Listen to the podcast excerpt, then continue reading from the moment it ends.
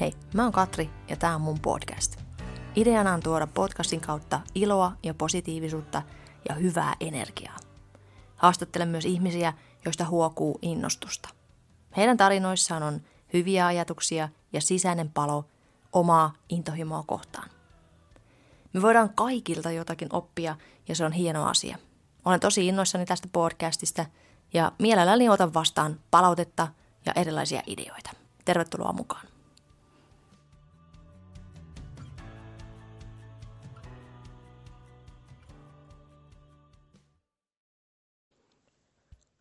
Moikka moi. Ihanaa kun olet siellä ja joku teistä jo kyseli, että onko sitä uutta podcast-jaksoa jo saatavilla. Ja eipä sitä ollut.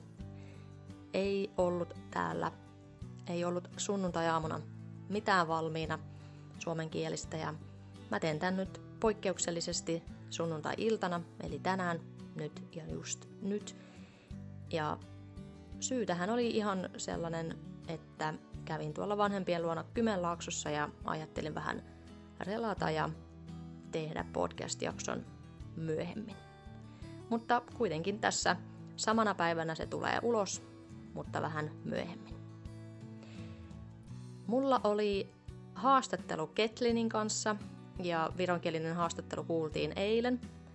Ja me puhuttiin tiedonjanosta, uteliaisuudesta ja kaiken oppimisesta. Ja oli ihana keskustelu meillä taas. Puhuttiin monista eri asioista ja mennäänpä kuuntelemaan pätkä siitä ja sitten tullaan takaisin ja mä kerron sitten pääpiirteet, pääkohdat siitä meidän haastattelusta. Jes, no niin mennään kuuntelemaan. Ma ei tea, kas sellist asja? No sellisest algklassidest ma väga ei mäleta, et äh, aga hiljem küll ema ütles, et sa peaksid advokaadiks minema, sest kui ma mingeid asju jälle küsisin ja vaidlesin, et küll ma pidin oma väikest õde hoidma või noh, olid mingid sellised peresisesed hõõrumised, hõõrdumised ja kus ma siis oponeerisin pidevalt. et siis ema ütles mine advokaadiks, et kogu aeg on sul midagi küsida ja vaielda. et äh, samas huviringides ma nagu väga palju ei käinud, et võib-olla huviringides ma hakkasin alles keskkoolis käima, et, et kui osad lapsena käivad muusikakoolides, rahvatantsudes, et minust kuidagi läksid need mööda, aga siis oligi, et äh, pinginaabriga siis mõtlesime ise mänge välja või sellist vaba aega vaatasime A-rühma ja nii et mis A-rühm andis sulle? No niin. On taas aika tehdä pieni yh- yhteenveto tästä vironkielisestä haastattelusta Ketlinin kanssa. Ja me siis tosiaan puhuttiin uteliaisuudesta ja oppimisesta ja tiedonjanosta. Varmasti olisi ollut myös enemmän aiheita tai syvällisempää keskustelua, jos oltaisiin vähän pidempää puhuttu, mutta kyllä me päästiin aika hyvin alkuun ainakin siinä. Ja Ketlin on mulle tuttu, me ollaan ihan jo vuosia tunnettu. Ja hän on aina jäänyt, jättänyt mulle semmoisen vaikutelman, että hän on kiinnostunut eri asioista. Hän on utelias ja positiivinen ja itse asiassa ne oli ne syyt, minkä takia mä hänen yhteyttä otin ja hän oli melkeinpä heti innokas osallistumaan tähän podcast-jaksoon ja siitä tuli hyvä ja on tosi otettu, että, että hänetkin sain tähän mukaan. Mutta mistä me puhuttiin? No hän, hän kuvaili itseään positiiviseksi ja ystävälliseksi ja hänellä on hyvä kyky sopeutua eri tilanteisiin. Eli jos hän puhuu vaikka vanhemman ihmisen kanssa, niin hän yrittää sopeutua, hän yrittää ajatella, että miten hänen ikäinen ihminen miettii tai ajattelee asioita ja jos hän puhuu vaikka lapselle, niin millä tavalla pitäisi siihen sitten suhtautua tai miten puhua lapselle. Ja hänen aamu alkaa noin puoli seitsemältä joka aamu ja haluaa herätä ennen muuta perhettä. Eli hänellä on aviomies ja 10-vuotias poika, joka käy siis neljännellä.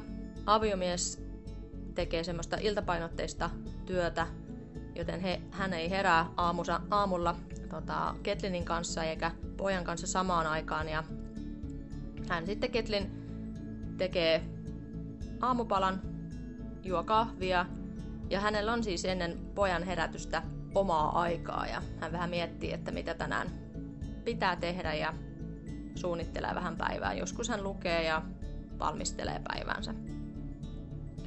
Häntä innostaa oma perhe ja hän on tosi paljon kiinnostunut eri kirjojen lukemisesta. Hän lukee paljon pedagogista kirjallisuutta, eli miten just lapsen eri ikävaiheet vaikuttaa kaikkeen ja millä tavoin, millä tavoin lapsi oppii ja siis mitä liian, kaikenlaista.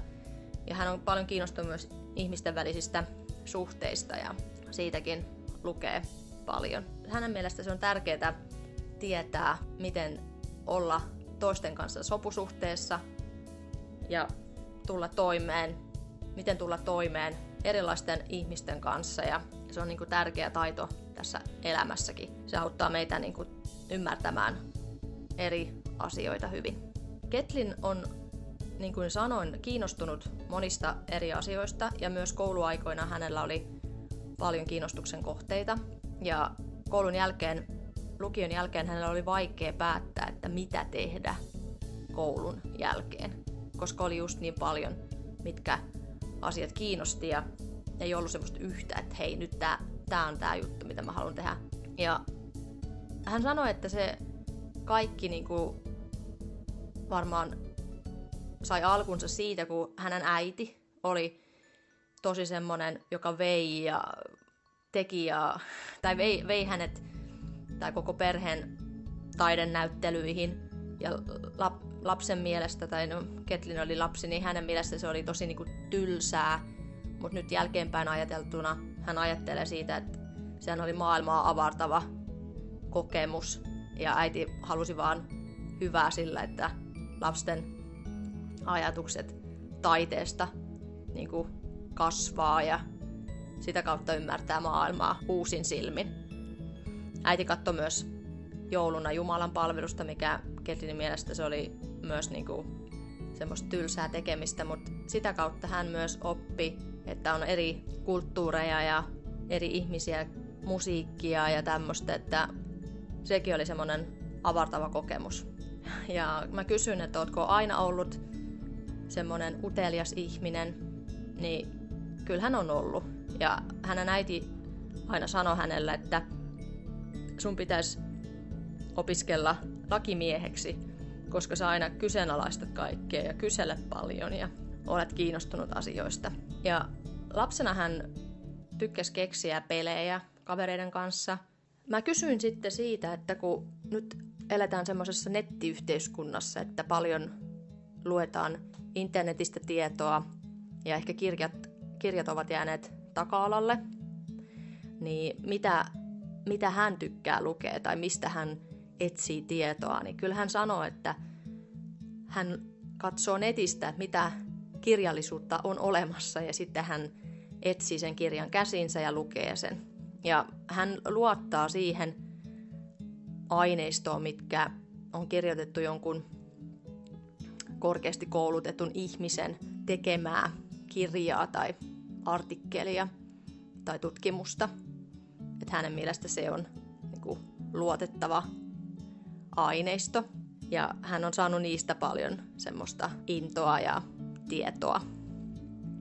Ja hänen kymmenenvuotias poika on tällä hetkellä kiinnostunut ö, pelikonsoleiden historiasta. Ja opettajatkin on sanonut, että hän on tosi utelias poika. Ketlin on sanonut, että se, että hän on kiinnostunut just tästä pelikonsoleiden historiasta, niin hän etsii tietoa netistä ja katsoo YouTube-videoita, niin sen avulla hänen englannin kielen taito on kehittynyt tosi huimasti ja hän osaa jopa sellaisia sanoja, mitkä Ketlinillä on ihan vieraat.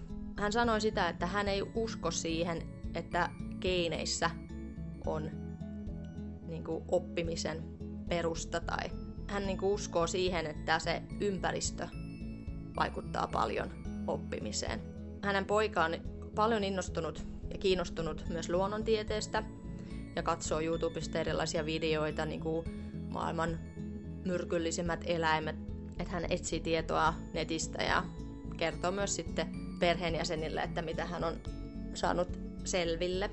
Et nyt kun poika on jo 10-vuotias, niin on usein niin päin, että poika innostaa tai opettaa jotakin Ketlinille. Nyt on poika jo sen ikäinen, että hän on kiinnostunut monista eri asioista ja hän osaa etsiä itse tietoa ja sen kautta myös Ketlin oppii jotakin uutta, kun poika kertoo hänelle jotain asioita. Mä puhuttiin myös siitä, että mitä hän on mieltä siitä, jos, jos joku sanoo, että no niin, että meidän suvusta tai perheessä ei, ei kukaan ole osannut koskaan laulaa, niin et sinäkään varmaan opi.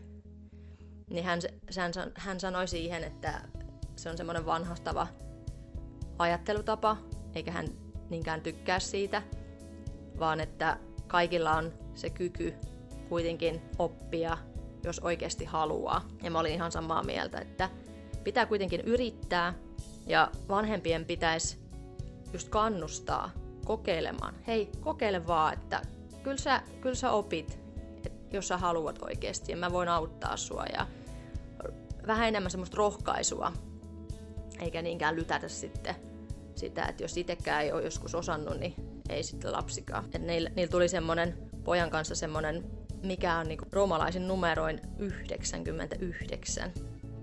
Ja sitten ne etti netistä ja tällä hetkellä mä nyt osakkaan sanoa, että mikä se on. Että jos itse tiedät, niin hyvä niin, mutta jos et osaa, niin jos et tiedä, niin googlappa, että mikä on roomalaisin numer- numeroin 99. Tiedätkö itsekään? Me puhuttiin myös siitä, että koulussa ei opeteta monia asioita, esimerkiksi just niinkään suhteista tai investoinnista tai rahan käytöstä. Niin hän, hän sitten nauroi vähän siihen ja sanoi, että hänen koulu kyllä oli, sai paljon niin kuin, eri opetusta ja semmoista tekemistä koulusta. Et siellä oli paljon luovia projekteja, oli semmoisia puheleirejä ja esiintymisiä ja siinä niin kuin oma semmoinen itseluottamus kasvoi niitä tehdessä. Ja tässä kohtaa mä voisinkin lukea, mulla on tämmöinen kirja kuin Mielenvoima oppimisessa. Ilkka Virolainen ja Harri Virolainen on kirjoittanut, niin tässä just puhutaan siitä, että mihin luovuus katoaa.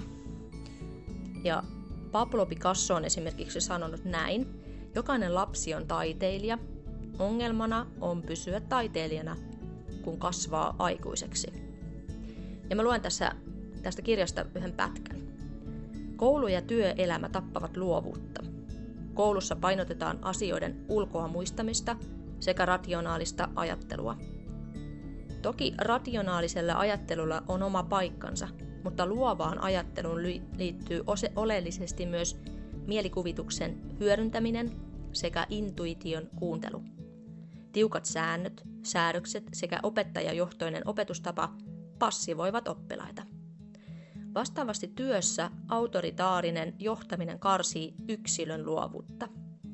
Täten monessa koulussa ja työpaikassa opitaan seuraamaan sääntöjä sen sijaan, että rohkaistaisiin ajattelemaan itse uudella tavalla ja luomaan uutta. Ja tästä tulikin mieleen, että jos vaikka päiväkodissa tai koulussa olisi vaikka aiheena piirtää vaikka jotain, vaikka viikonlopusta, niin eihän kaikkien tarvitse piirtää siihen valkoiseen paperiin, vai jos joku haluaa piirtää vaikka keltaiseen paperiin, niin se on ihan ok, jos se oppilas pyytää sitä. Hän on, hänellä on joku oma näkemys siitä asiasta, että miksi, miksi kaikkien pitäisi piirtää valkoiselle paperille, tai jos tehdään joulukortteja, niin pitääkö olla oikeasti se korttipohjan punainen.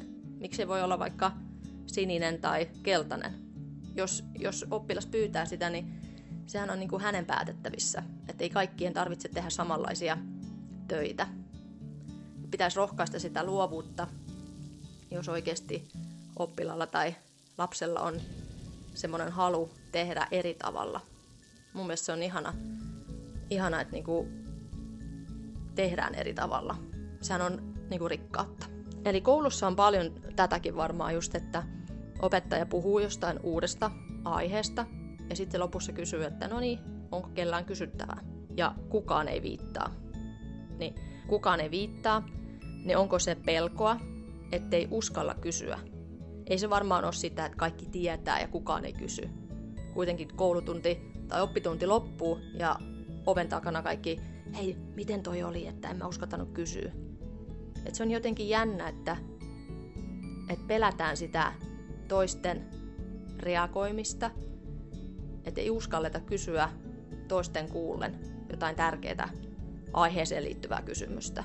Et pitäisi enemmän olla rohkea ja kysyä, koska toisiakin voi ää, mietityttää se asia. Ja tässä kohtaa voisin sanoa just, että kun pienet lapset on hi- hyvin kiinnostuneita asioista ja ne kyselee paljon, ja aikuisena sitten ei kysytä ollenkaan, niin meidän kannattaisi niinku antaa lasten kysyä ja olla kiinnostuneita, eikä sille, että älä nyt kysy, nyt mä teen tätä ja mitä sä taas tollasi kyselet, vaan mehän niinku torpataan sitten se uteliaisuus. Eli mun mielestä on hieno asia, että lapset kyselee. Meidän pitäisi tästä niinku oppia myös aikuisena, että eihän kaikki ole itsestäänselvyyttä. Eihän kaikki välttämättä toimi samalla tavalla, tavoin. Ja pitäisikin niinku vähän että kyseenalaistaa, että hei, itse asiassa tämähän voisi toimia myös näinkin, eikä niinku olla samaa mieltä, että no, tämä on ollut näin, niin tehdään näin. Pitäisi olla niinku rohkea, mutta on se välillä vaikeeta. Ja puhuttiin myös ikäjutuista, eli ikä ei ole este uuden oppimiseen. Et pitäisi olla rohkea.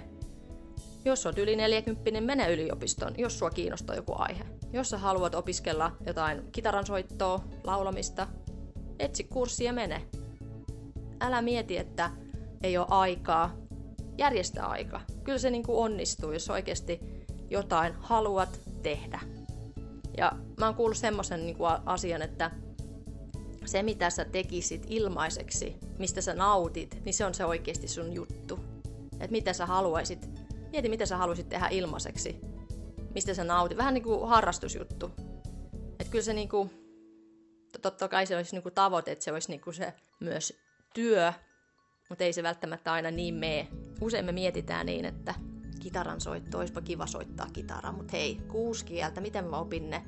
En mä jaksa, että siihen menee hirveästi aikaa ja paljon helpompi on laittaa vaan biisi soimaan ja kuuntelee sitä kitaran soittoa. Mutta mä rohkaisen sua. Ota se kitara käteen tai laina kaverilta ja opettele, jos se on oikeasti sun haave. Tässäkin mä voisin niinku, vetää semmoisen vertauskuvan, eli vauvat. Ne ei osaa kävellä, mutta ne yrittää. Ne saa kerran noustua ylös. Ne on niin innoissaan siitä, hei hei hei, hei kato, kato, kato, kato, kato. Mä nousin seisomaan, mutta sitten hetki menee siitä ja ne taas on siellä lattiatasossa. Mutta sitten ne yrittää uudestaan. Eli meidänkin kannattaa opiskella näin, että ei luovuteta, vaan tehdään asioita uudestaan ja uudestaan. Ja et olisi semmoinen innostus ja tekemisen halu. Koska sitä kautta me sitten opitaan ja ollaan niin pidemmällä vuoden päästä. Vauvatkin oppii kävelemään, kun ne oikeasti malttaa ja niitä rohkaistaan ja kannustetaan. Yes. Puhuttiin myös ristikoiden tekemisestä tai ratkaisemisesta ja sudokuista ja tällaisista ää, tietovisajutuista. Eli nekin niin kuin innostaa ja kehittää aivoja ja mäkin tykkään tehdä eri mun tapahtumissa aina tietovisa visa kysymyksiä. Ja mun mielestä mun vieraat jo odottaakin niitä aina. Ja se on niin semmoinen kiva, on kiva niinku miettiä niitä kysymyksiä, mutta sitten taas kiva kysellä.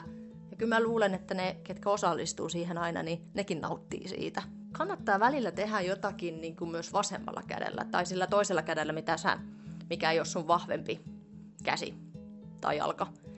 Eli jos sä peset aina hampaita oikealla kädellä, niin teepäs vasemmalla.